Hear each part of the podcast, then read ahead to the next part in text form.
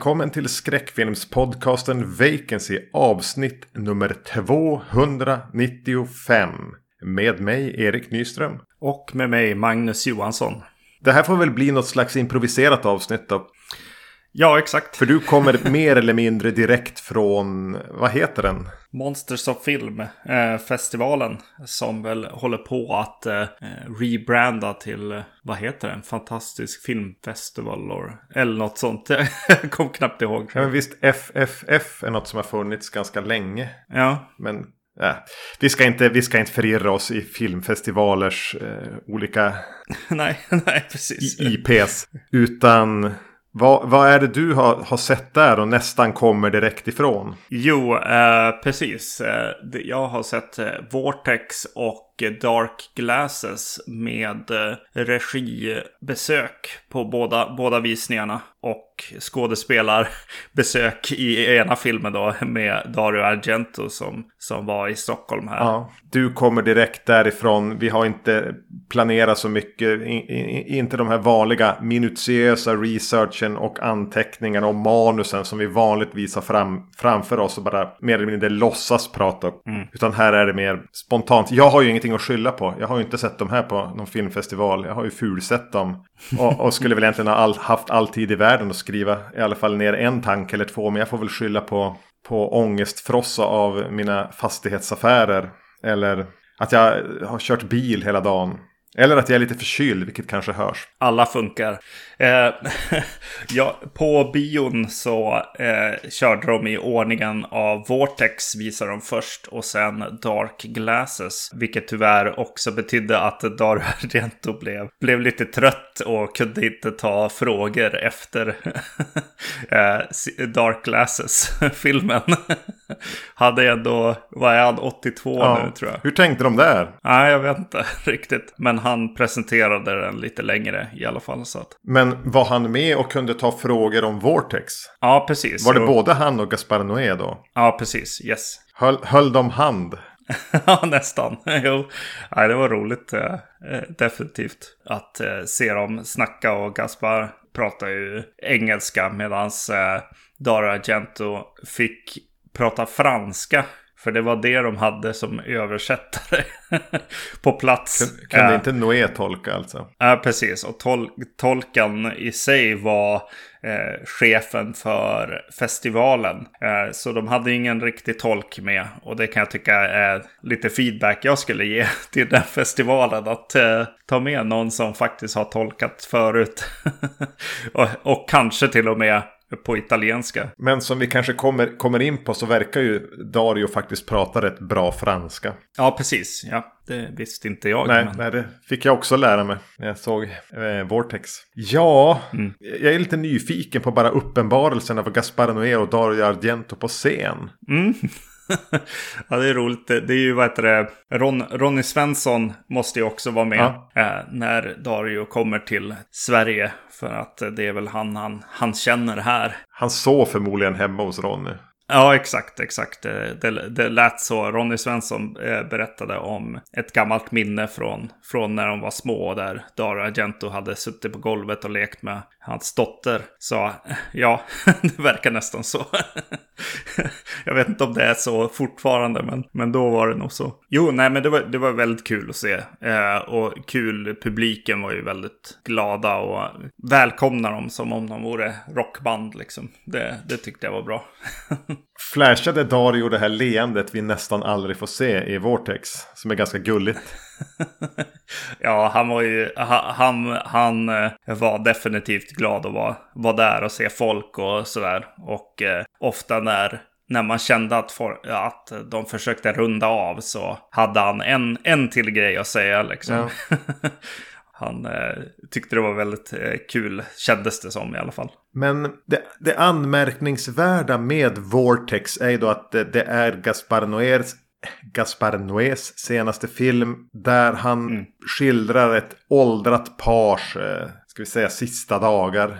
I alla fall sista dagar tillsammans. Mm. Där, där, där, den ena eh, lider av demens och den andra eh, hjärtsjuk. Men båda är ju framförallt väldigt gamla. Och att han då mm. i den skildringen väljer att sätta Dario Argento i den ena huvudrollen. Det är ju som mm. frågan man har med sig. Varför? ja, den fick han också. Eh, så han pratade om det.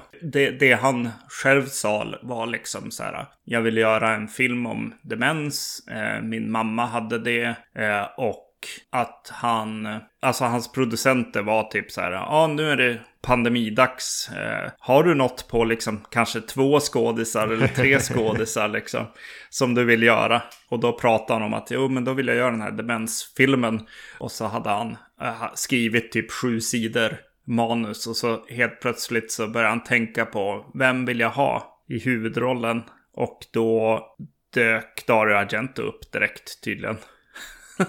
och eh, beroende på att eh, han, hade han hade träffat honom och eh, sett en otrolig charm helt enkelt i honom. Mm. Och eh, ja, hörde av sig och ville få med honom. Jag tror att en, en annan inspiration var liksom så här andra regissörer, så här, stora regissörer som hade tagit med liksom andra regissörer i, i roller vid vissa tillfällen. Så han var, var väl lite så inspirerad också. Om det var Fritz Lang som hade varit med i någon, någon film.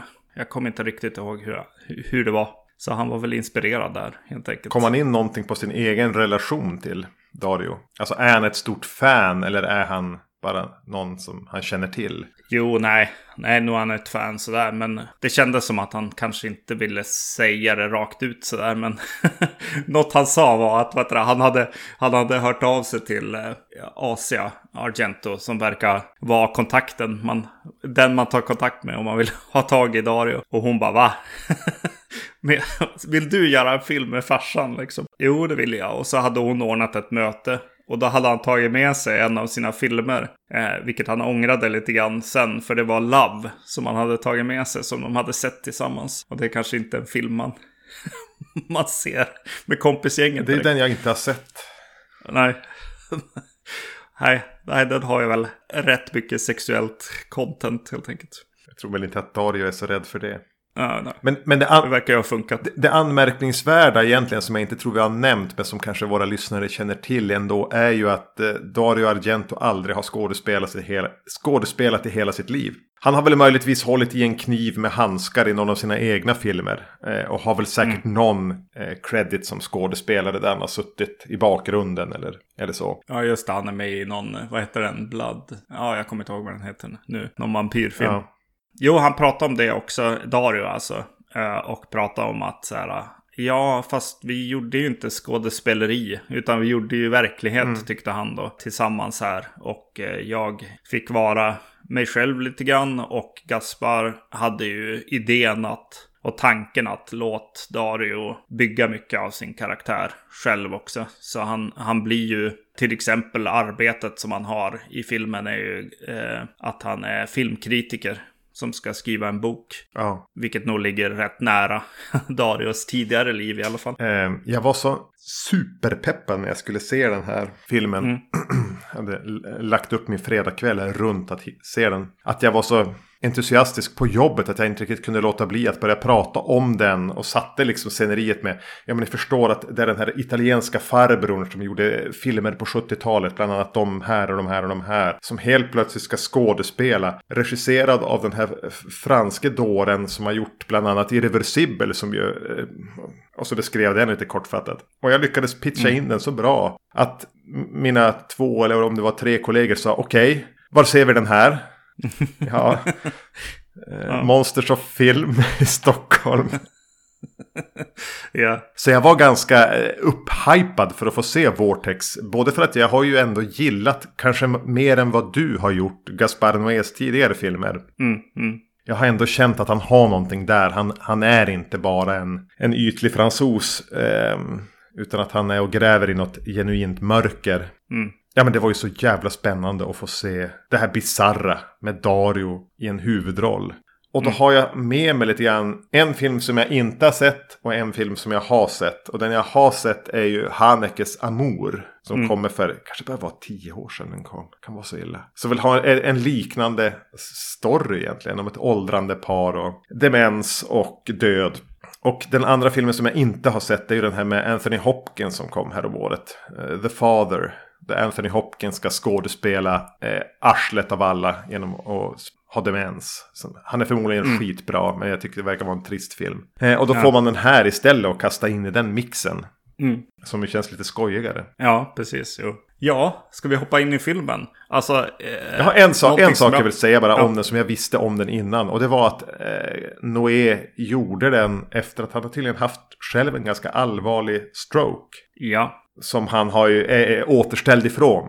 Eh, ja. Fullt kanske, jag vet inte. Men att, men att det här var någonting han började skriva på eh, när han blev eh, nykter också. Och rehabiliterad och, och gjorde den här filmen som någon slags eh, rehabprocess kanske. Var det något mm. som kom upp på scen? Jo, Rodney Svensson var inne på att ja, du har ju själv haft en liksom, kris. Eh, för, för Gaspar själv, han pratar mest om om att hans mamma var dement ja. och att, att det kom av det. Men så när Ronny Svensson frågade, du har ju själv haft eh, eh, en liten kris. Och han bara, ja, ja, ja jag vet inte, jag, jag partade lite för mycket liksom.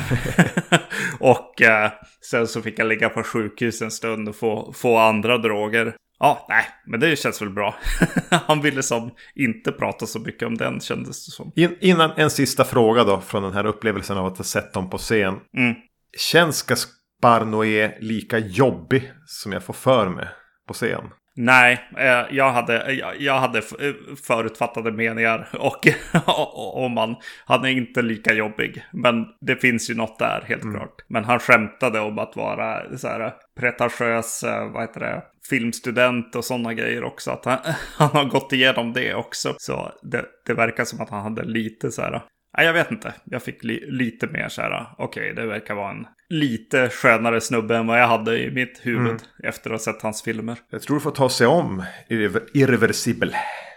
Du tog ja, inte chansen jo. att se den i rätt ordning på, på festivalen. Nej, jag missade det. Jag, var, jag, var, jag har också gått igenom en liten sjukdom på senaste tiden här. Så att... Ingen hjärnblödning då? Nej, nej, nej, för, förkyld, förkyld. Som du, det var, det var det jag reflekterade på. Inte, inte en hjärnblödning efter för mycket kokain. Nej, nej, exakt. ja. Nej. nej. men då dyker vi väl in i den. Jag kommer säkert att återkomma till några frågor om vad Noé eller Argento eventuellt sa eller inte sa. Mm. Så vad ska vi sätta? Någon liten ram här. Den handlar om ett par i 75-80-årsåldern. Där kvinnan visar tydliga tecken på demens. Eh, mannen kämpar på med sin bok om film. Mm. Och har hjärtproblem. Ja. Ja, precis. Det kommer in en, en son senare också. Med, e med egna bekymmer. Ja, precis. Den öppnar lite med en sån här äh, scen som jag tänker kanske att de filmade i efterhand eller någonting. Någonting om hur, de, att der, hur deras liv hade varit innan lite grann. Att så här, ja, vi gör lite eh, god fika, sätter oss på balkongen och dricker lite vin. Där blev jag nervös över Dario Argento. insats i, i filmen. När han sitter vid bordet med vinglaset och pratar om dröm. Ja. ja. Och det är synd för att det känns som den kanske mest skrivna eh, scenen i, i filmen. Eh, och den som han har mest problem med. Och jag kan ju inte säga att så här, han tar sig hela, hela vägen eh, heller kan jag tycka. Mot för, för hon som eh, spelar, spelar kvinnan här. Som jag inte har namn på. Nej, inte jag heller. Vi skulle kunna, vi skulle kunna pausa och leta upp det. Men, men det får ni göra själva om ni lyssnar på det. Ja, eh, för hon är ju skådis. Ja. Helt enkelt. Eh, och det syns ju. Men sen efter det så kommer en liten sång. Mm, mm. Som är ryckt och, från någon annan film va? Ja, ja det kanske det är. Jag tyckte det stod någonting om det i de här Noé-förtexterna. Som rullar fel väg i början av filmen. Okej. Okay. Just det. Jag tyckte det var väldigt bra. Jag, jag satt direkt i, i biosalongen och bara, jag vill göra film. Jag vill, jag, vill, jag vill inte göra dataspel, jag vill göra film. Och jag vill att någon ska sjunga rakt in i kameran. Mm. Det, jag, jag, tyckte verkligen om den. Det klippet som kommer in där. Väldigt franska eh, nya vågen. Mm, mm. Och sen måste jag säga att själva splitten som händer när hon börjar visa tecken, känns det som i alla fall. Mm. Att det är det de visar. Att de ligger och sover i sängen och eh, eh, det går ett, ett streck som liksom långsamt rör sig genom eh, rutan och klyver filmen på mitten och paret därav också. Det tyckte jag ändå var så här, ja det är lite pretto men det är också nice. Ja. Och, och Noé får göra sina tekniska små övningar där. Med att, ja, men det vi har sett i början, den här första lilla vignetten. Det jag vill säga om mm. den är att den börjar egentligen med att de får som ögonkontakt genom ett fönster som vetter mot varandra i den här jättelägenheten de har. Och det är där det kommer det här jättegulliga leendet som Dario ändå mm. har. Så här fnissleendet. Det enda gången han ler i ja. hela filmen, men det kommer där. Eh, då är ju hela filmen filmad med en väldigt liten ruta med så här rundade hörn. Jag tänkte på den för att jag såg om den väldigt nyligen. Eh, A Ghost Story har också mm. lite det där formatet som känns som ett format som aldrig någonsin en film har fotats med. Eh, och mm. även det här sångnumret mm. är, är, ju det formatet. Och sen kommer den här scenen då den som töjs ut och blir, fyller ett, ett bredbild, bredbildsformat. Och sen klyvs det i mitten när de ligger i sängen ner mellan dem. Och mm. därifrån och framåt så är ju den ena av de här rutorna tillägnad eh, Dario och den andra då hans fru. Det kommer att vara så vi, mm. vi kallar dem för här. Det är Dario och ja. hans fru. Eh, så att, så att eh, tittar man på filmen så ser man ju de två ibland stöka på med, med, med helt separata saker. Och ibland mm. så pratar de med varandra vilket kan ge en liten så här sjösjuk upplevelse av att det är stökigt med blickriktningar och så. Men, men det är ju inga problem, man har ju sett split screen film tidigare. Ja. Ja, men det, det jag skulle säga liksom är med att Noé ändå välj, vill ha med in någonting lite teknisk ekvilibri... Ekvil, jag ska inte försöka säga ett sånt svårt ord nu. För sent. för trött.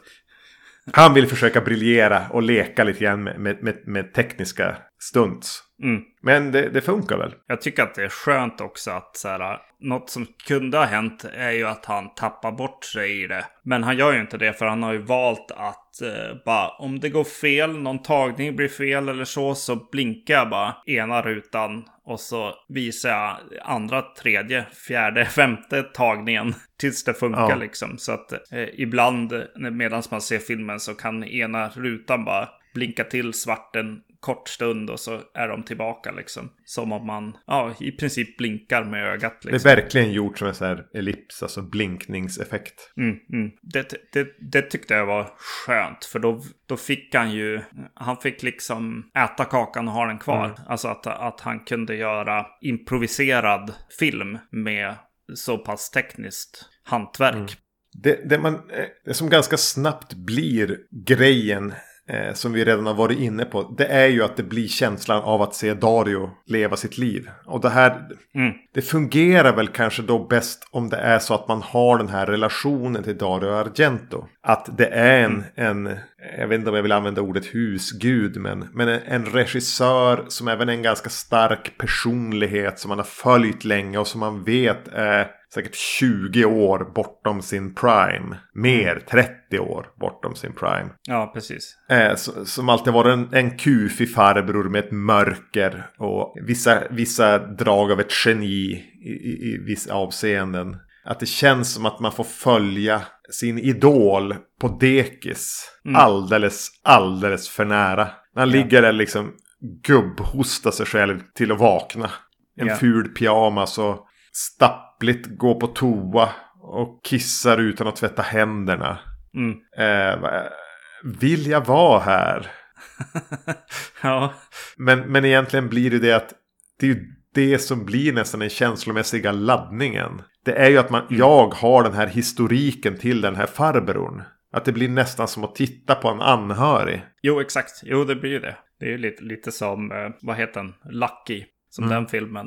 Att så här, vänta, det, det, är ju inte bara, bara en film. Ett testamente också. Ja, exakt. Och man har ju läst om Dario, att han har ramlat i sitt hem och sådana grejer liksom. Att han har haft sådana här incidenter. Så ja, det blir ju lite, lite laddat på det sättet att man har följt den här personen. Ja, jo, jag tycker det är skönt att de har valt då att göra honom till filmkritiken och att, att det blev om, handlade om film i slutändan för honom också liksom. Så att han inte höll på med något annat egentligen. Utan att när han väl får improvisera till exempel, så, alltså när han pratar i telefon med någon kompis, så pratar han om sin syn på film mm. ett tag. Alltså, det berättade Gaspar i intervjun innan. Det är ju inget som han har skrivit. Utan de flesta av de här scenerna är improviserade. Det är Dario som börjar babbla. Ja, exakt. Eh, och det fick vi ju se också på, scen på scenen när han eh, inte ville gå av scenen lite grann. Att så här, ja, ibland kan han börja bara, han börjar bara prata om någon gammal regissör och någon italiensk film och eh, hur liksom Fellini drömde och sådana grejer. Han, han stod även på scenen där och, och pratade om det. Och så sen ser man filmen och då gör han exakt samma sak egentligen. Mm. ja. Jag gick ju in i den med tron att det skulle vara Dario som var dement också. Just det. Så det tog ett mm. tag innan jag förstod att det är ju hustrun som är svårt drabbad av demens. Sen kan man väl inte helt utesluta att Dario har problem också. Mm. Eller så är han bara liksom en självcentrerad farbror. Men, men ja. jag fick hela tiden känslan av att den här boken han håller på att skriva är ganska usel och osammanhängande. Ja, exakt. Jo, jo man fick ju den känslan och att han, han är fortfarande självkoncentrerad liksom, även i det här. Eh, I det här, jag tyckte att det var ett bra, bra porträtt av en man i den här åldern. alltså, eh, och eh, i nutid liksom. Eh, det känns äkta på något sätt att så här, ja men hur äter ni mat nu då? alltså sådana grejer. Jag visste inte ens om de gjorde det liksom, kändes det som. Det kändes som att, ja då måste vi sluta med det för att jag ska ju skriva min bok eh, och typ röka en cigarett och, och så medan det stökas i, i köket. Men eh, det händer inte längre liksom. Han tar inte tag i Nej. det. Utan han är samma människa liksom. Det är någonting som jag nästan kan känna igen mig själv i på sätt och vis. Hur han bara trampar runt i den här lägenheten. Går på toa. Tittar ut genom fönstret. Går och sätter sig och knappar mm. lite grann på den här maskinen. Sätter sig i soffan och ser lite grann av, av en film. Pausa den. Upp och trampa runt lite grann. Det är typ så där mina helger ser ut. Mm. Ja, exakt. det han gör, vilket jag är dålig på i alla fall, det är att han försöker sträcka ut en hand till sina gamla liksom, eh, relationer på något sätt också. att han ringer folk och försöker liksom snacka lite. Han ringer och berättar om vad han har tänkt just då. Ja. ja. Jo, det, det, här är ju mitt, mina kommande 40 år. Kommer att se ut ja. exakt så här. Ja. ja. det kommer inte vara någon dement fru där hoppas jag. ja. Ja, men då tyckte jag att den här filmen var bra. Det var den ju. Mm. Eh, det tycker jag. Eh, jag tycker att den har roliga grepp och jag tycker att människorna i den är människor. Jag kan tycka att sonen kanske fick lite så här för stor stort ok att bära på kanske. Jag vet inte. Men det kanske bara för att jag inte relaterar till, till det där livet riktigt. Men... Han känns ganska träffsäker som en genuin fuck-up-farsa. Mm. Som ändå försöker. Men, men att, kanske att han får för stort utrymme. Det här var ju deras film. Jag tycker ändå att mm. trots att man, vi inte ens har brytt oss om att notera vad, vad den kvinnliga skådespelerskan heter. Som spelar hustrun här. Men det är ju deras film. Han mm. armbågar sig kanske in och får för stor betydelse ibland. Men, men ja, precis. vissa scener ändå blev ju... Alltså man kände ju hela tiden att det var på väg åt helvete. Så vissa scener fick ju, fick ju nästan den här panikkänslan. Hon är ju någon tidigare apotekare. Nej, hon är psykiatriker. Så hon kan, har ju kvar sitt receptblock och kan ju skriva ut skit. Trots att hon är mm. jättedement. Det kommer en scen där i mitten av filmen när hon som bara sitter och blandar mediciner som hon mal och rör ner i någon te eller vad det är. Mm. Det känns som att den är på väg att bli så otroligt mörk där. Sen ja. Väljer den inte att göra det så enkelt för sig. Att det blir som en gimmick-grej. Jag, jag tänkte ska hon förgifta Dario eller någonting. Men, men nej, ja, den, den, den, svamlar ju mer bara på som livet gör. Jo, det är det som är... Ja, men det är det som blir... Ja, precis. Lite äkta på något sätt. När vet du, sonen inser att hon, hon vill eh, skriva ut något för att hjälpa sin, sin man med någonting. Liksom. Så pratar sonen med Dario om att så här, du måste ha koll nu för att hon kan göra fel här. Ja. eh, inte Eh, Dario bara, tror du hon vill förgifta mig? Och han bara, nej, nej, nej.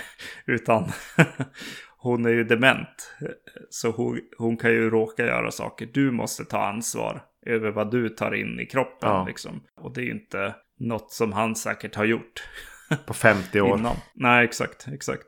Nej, men jag tyckte den var bra liksom. Den kanske kunde ha träffat ännu mer vid något tillfälle. Jag kanske, det kanske är att det är lite av det här tekniska som drar bort det för mig. Att så här, oh, I see what you're doing. Ja. Kommer in i, i saker att säga jo, så där, det där är en smart idé liksom. Åh, hur du använder liksom den här split screenen mot slutet och sådär. Eh, Det finns mycket bra, bra idéer där som är så här. Ja, det där är korrekt på något sätt.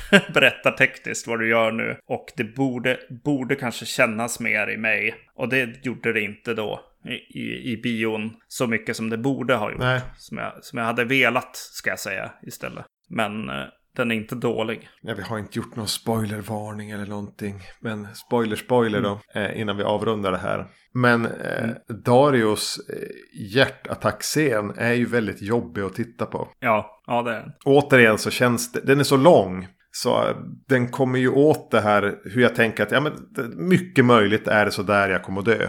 Ja, Jag varit ja, ute exakt. någonstans, träffat no några, bytt om, just bytt om till att gå och lägga mig och sitter på sängen och så helt plötsligt känner jag att något är fel. Ja. Så börjar jag bara vandra runt i lägenheten. Det är ju någonting med det som gör att den träffar ju eh, bred publik. Eh, Ga- Gaspar sa så här, ja både jag och, och Dario har ju ganska ung publik. Så det är lite roligt att titta ut över er- er och bara se att så här, eh, det är en massa 20 till 30-åringar Ja. liksom. Eh, vilket det var som är här. Det är väl en film för en kanske lite äldre publik. Oss och uppåt i alla fall. Mm. Ja, det känns som den, den verkligen tar tag i saker som är eh, riktiga, som händer många människor också med.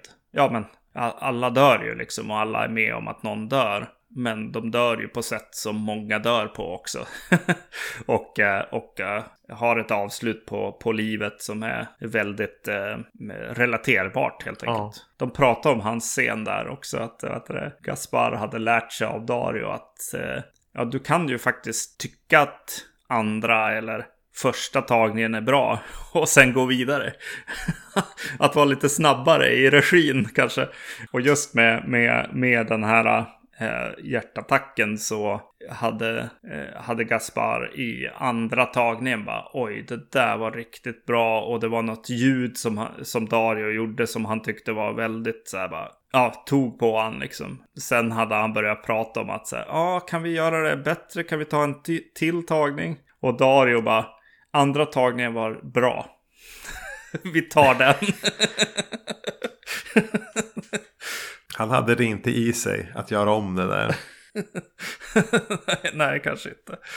Yes. Nej men som du har sagt det, det är väl rätt bra det här. Ja, Men ändå för mig väldigt beroende av att jag har den här något syntetiska relationen till Dario. mm. Jag vet inte alls hur jag hade uppfattat den här filmen utan den. nej, kanske inte. Men ja, det skulle vara intressant att höra från dina kollegor. Ja, de, kommer ju aldrig, de kommer ju aldrig att se den här. Nej, men det, jag kan tänka mig att, att se det här gamla paret, alltså i sig, ja det är så nära ändå lite grann. Alltså just att det kommer lite besvikelser och det finns en jättebra scen med sonen, mamman och, eh, och pappan då, Dario, sitter och pratar om att ta in på hem och så. Ja. Den tyckte jag nog var bästa i den, i, i den för att de det blev verkligen så här, ja men vi ska ju ta hand om dig. Det är väl du som ska vara på hem, säger Dario helt plötsligt till sonen. Ja. Och, och så, och eh, all vår historik finns ju här. Alltså alla de här frågorna som folk får.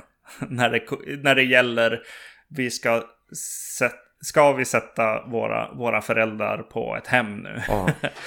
den kommer fram i den här scenen och när hon också bara, eh, mamman här säger det, är lika, det skulle vara lika bra om jag var död och så. här. Mycket, ja, mycket bra. Mycket bra scen. Kom det på tal om det här är Darios lägenhet? Ja, jo, nej det är inte, det är inte Darius lägenhet. Men eh, det enda var att de hade dis- diskuterat att han skulle bli, eh, att han skulle vara eh, filmkritiker då. Och då hade Gaspar pratat om liksom, ja men vad var hans favoritfilmer och sånt? Favoritregissörer och sånt. Så så lite. Men jag tänker ju att det är så här. ungefär. Ungefär så här. Eh, Särskilt kanske efter det vi så, så, såg den här uh, Melies Moon, Blood on, eh, vad heter den? Ja, Blood on Melies Moon. Kotzi. Ja, precis. Ja. Kotsis film som, som hade en, en, ett eh, hem också med. Som, som kändes som så här, ja det där är ju Kotsis hem. Och då när, när jag såg den här så bara, ja det påminner ju liksom. Fast den här personen är ännu mer lite intellektuell och, och liksom så. Har ännu fler böcker och, och memorabilia hemma. Och som sagt var, Dario blandar franska och italienska friskt här. Mm, mm, Till, till slut insåg jag det med mitt bristande språköra ja, för diverse sydeuropeiska språk. Men ja, han kan ju franska. Ja. Jag hörde till och med jag.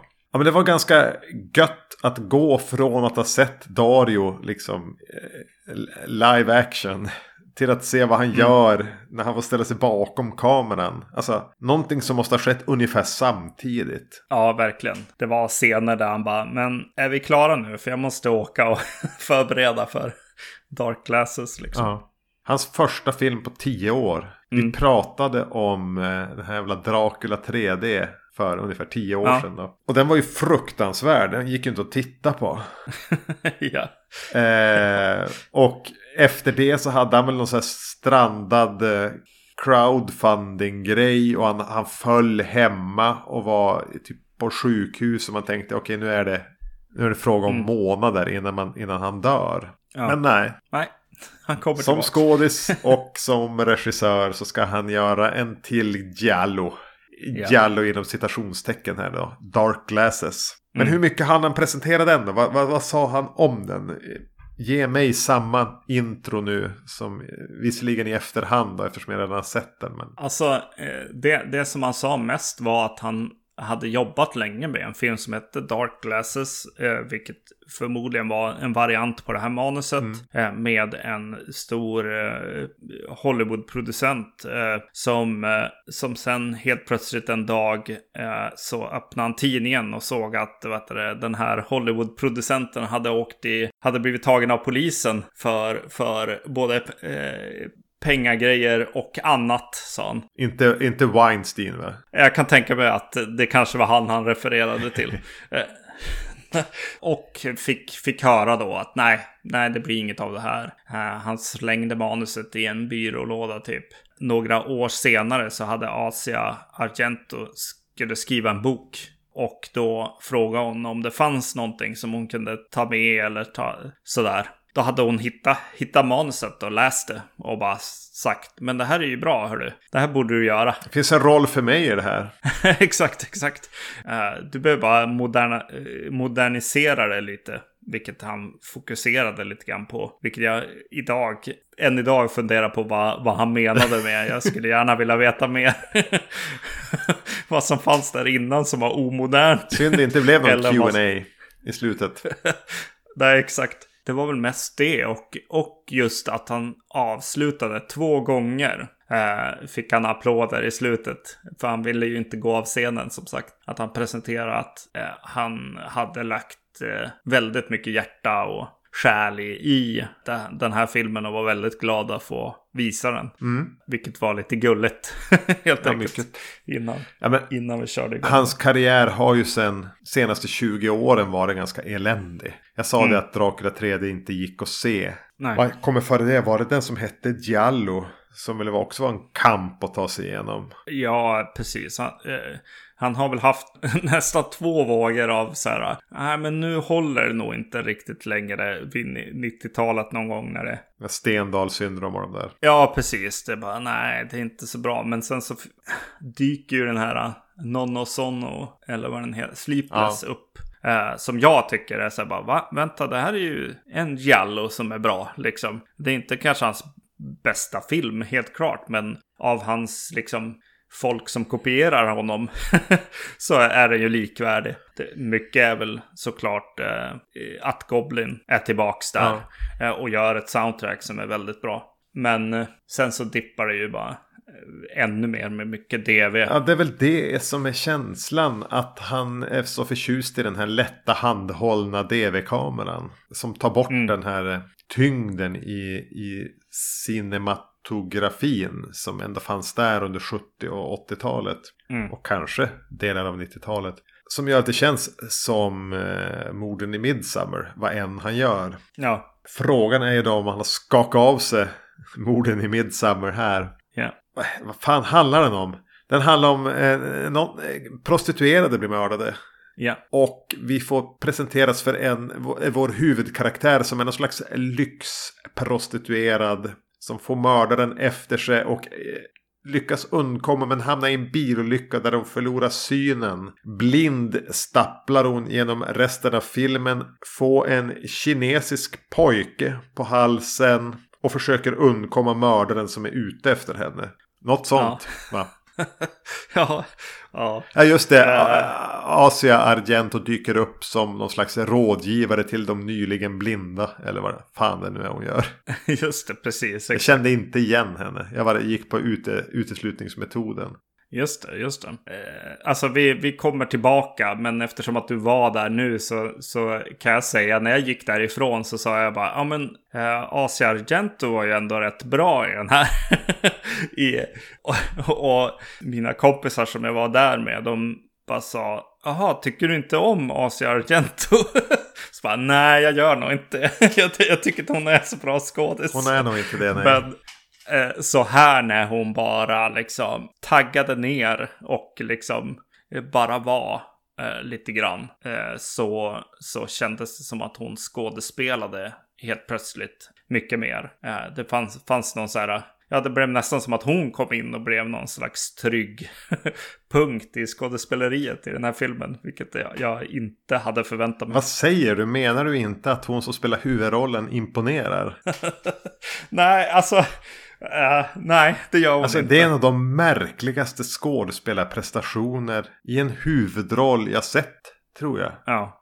För eh, ja, men, filmen, hon är med alldeles i början av filmen när den har solförmörkelse. Mm. Och jag funderar om det är någon... Alltså att, det ska, att, att någon ska ropa bryt. Och så zoomar det ut och så är det en inspelning eller någonting. Jag, jag vet inte vad jag ska förvänta mig men det känns, det känns inte som jag tittar på ens en amatörfilm. Mm. Det, det är en så otroligt märklig nivå. Sen, sen skakar den väl i viss mån av sig det. Men hon är en sån märklig uppenbarelse genom hela filmen. Hon till och med ser väldigt konstig ut. Jo, alltså hon är väl som i, vad heter det, Inferno när vi får se, vad heter Mother of Tears, äh, sitta med katten i, i äh, föreläsningssalen Ja. liksom och ska ha ett väldigt underligt uppsyn som gör en lite obekväm. Obe, obekväm och attraherad samtidigt. Eh, Exakt, Ja. exakt. Och, och det känns som att eh,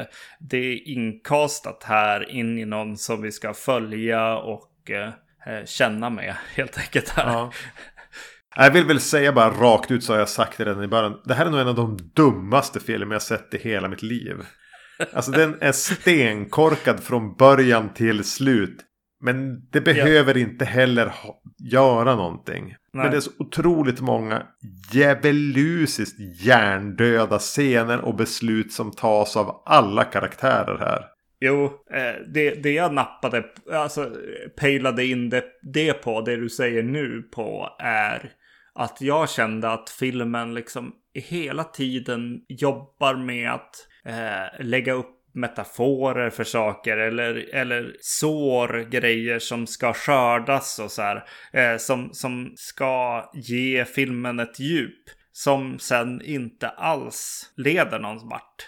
Eh, Solförmörkelsen eller? Ja, men exakt. Den kommer ju dit och jag menar, den visar ju på, alltså, eh, den, den är ju en bra symbol för att bli blind, Ja. I guess. Och för att livet och, och döden och kanske att vara glad tillgår till något slags mörker Ja. och hot liksom. Men den är ju så, den är så frånskild från allting liksom. Eh, det var någon som sa, eh, tänk om den skulle heta Den vita skåpbilen eh, istället. Ja. Den här filmen. Eh, det, det, det finns någonting som är bara, den heter Dark Glasses och han presenterar det som att jag hade en film som hette Dark Glasses och det var det som skulle vara kvar åtminstone. Och bara, men nej. det handlar inte om att bli blind. Jag vet inte, jag vet inte vad det är. Alltså jag vet inte. Filmen har ju tre tydliga delar. Där den första är, ja. vi får presenteras för något mord. Vi presenteras för den kvinnliga huvudrollsinnehaverskan. Eh, och det som händer med henne när hon blir blind. Bryt. Ja. Sen har vi en del akt två. Där hon ska jamsa runt med, med den här kinesiska lilla pojken som hon typ råkar adoptera eller kidnappa eller vad hon nu gör. Eh, ja. och så kommer del tre som är ett slags crescendo där de blir jagade av mördaren. Mm. Och med, med god vilja så är jag med under den här första akten. Yeah. Jag lägger en hel del, för att inte säga allt, åt sidan och bara tänker, ja men Ja, ja, det ser ut som morden i Midsummer fortfarande. Men ja. det kanske är lite snyggare ljusat.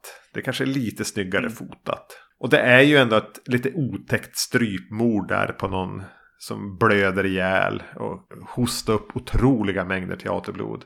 Ja, men det är inte, ja, det, det, är inte så dumt ändå. Nej. Eh, och, och om jag, om jag accepterar den kvinnliga huvudrollsinnehaverskan som en udda uppsyn på duken. Mm. Som är, visserligen är kass på många sätt. Men ändå att hon bara känns off. Ja men mm. då är jag med på någonting igen. Oj, hon blev blind. Och mördaren målade om färgen på sin bil och allting. Ja men vart...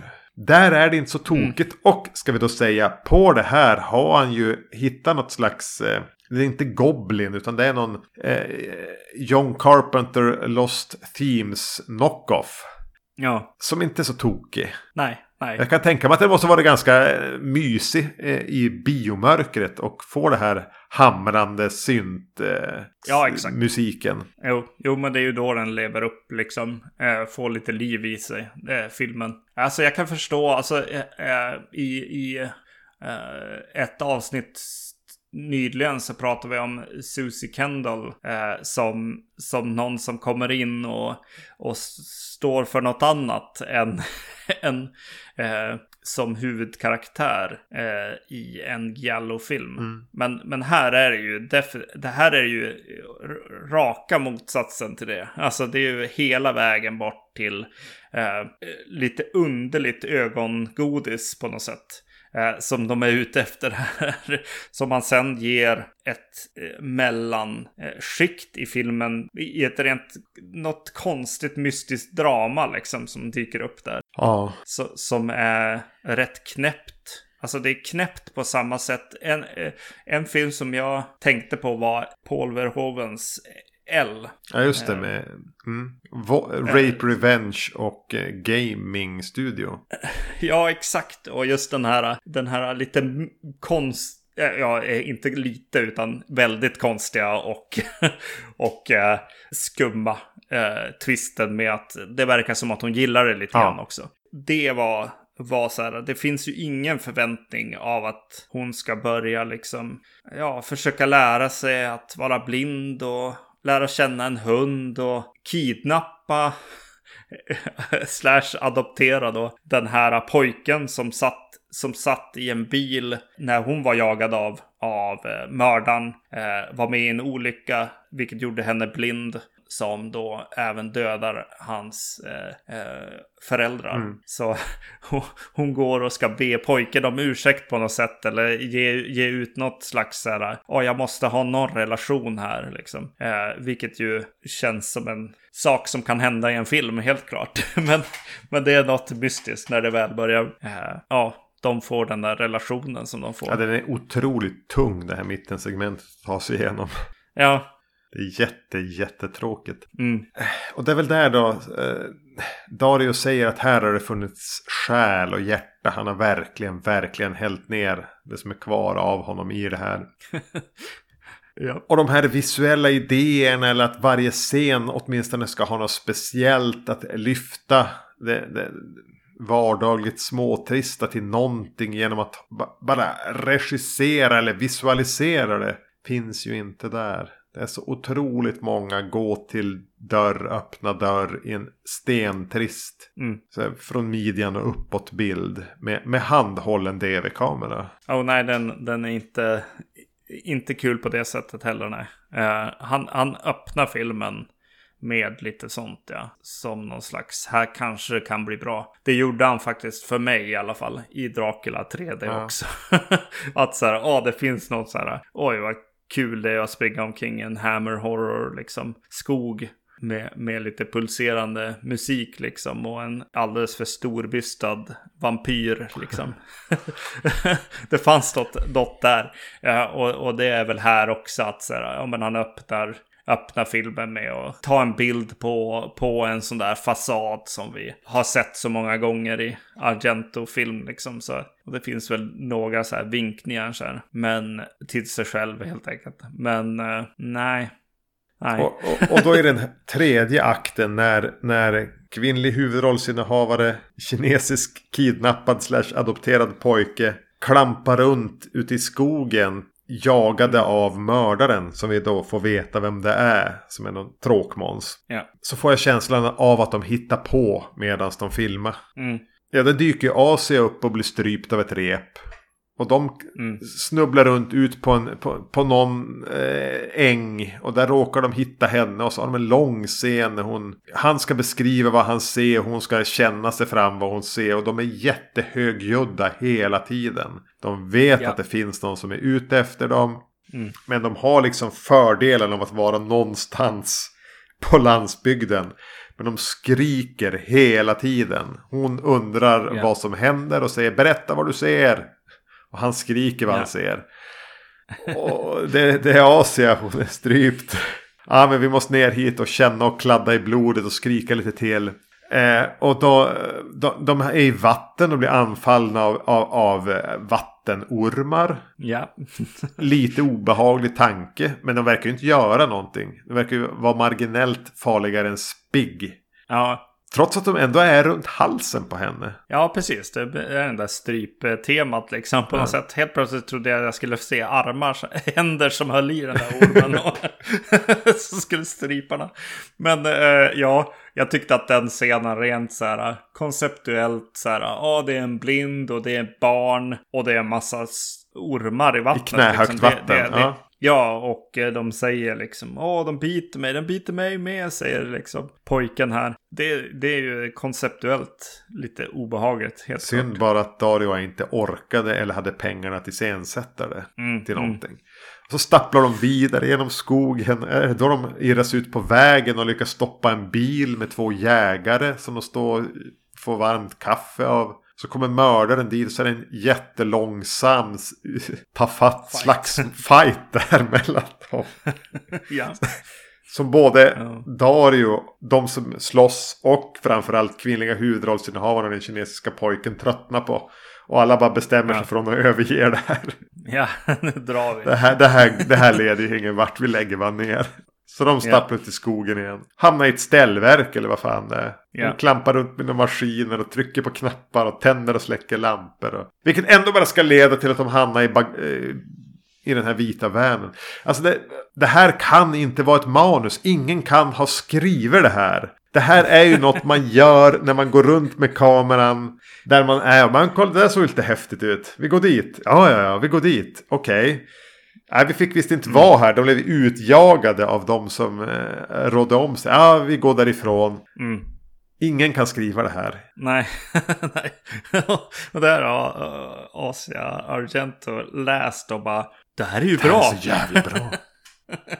Jag måste de... spela den här blindkonsulenten här som blir strypt. Det är en viktig roll. Ja. Nej, men det känns väl som att det fanns säkert mer där och, och mycket i början som sätts upp som inte kommer någon vart. Det känns ju som att det, den här moderniseringen är liksom en, en filning av budget som han inte gör eh, över hela filmen utan han, han väljer bort saker som, som inte funkar längre när storproducenten sitter i fängelse. Liksom.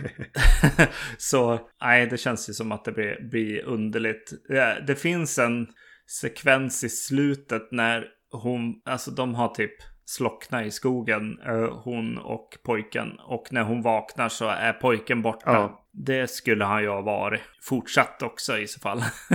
Ja, tack. De skulle inte hitta, hitta igen varann.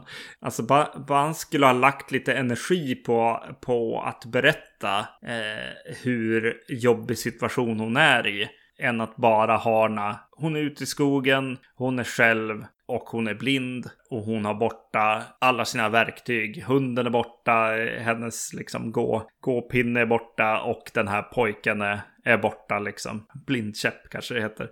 Eh, och eh, hon har en mördare någonstans i skogen. Liksom. Det skulle han kanske ha inte bara låtit oss eh, förstå är jobbigt. Utan han skulle illustrera det jobbiga i det.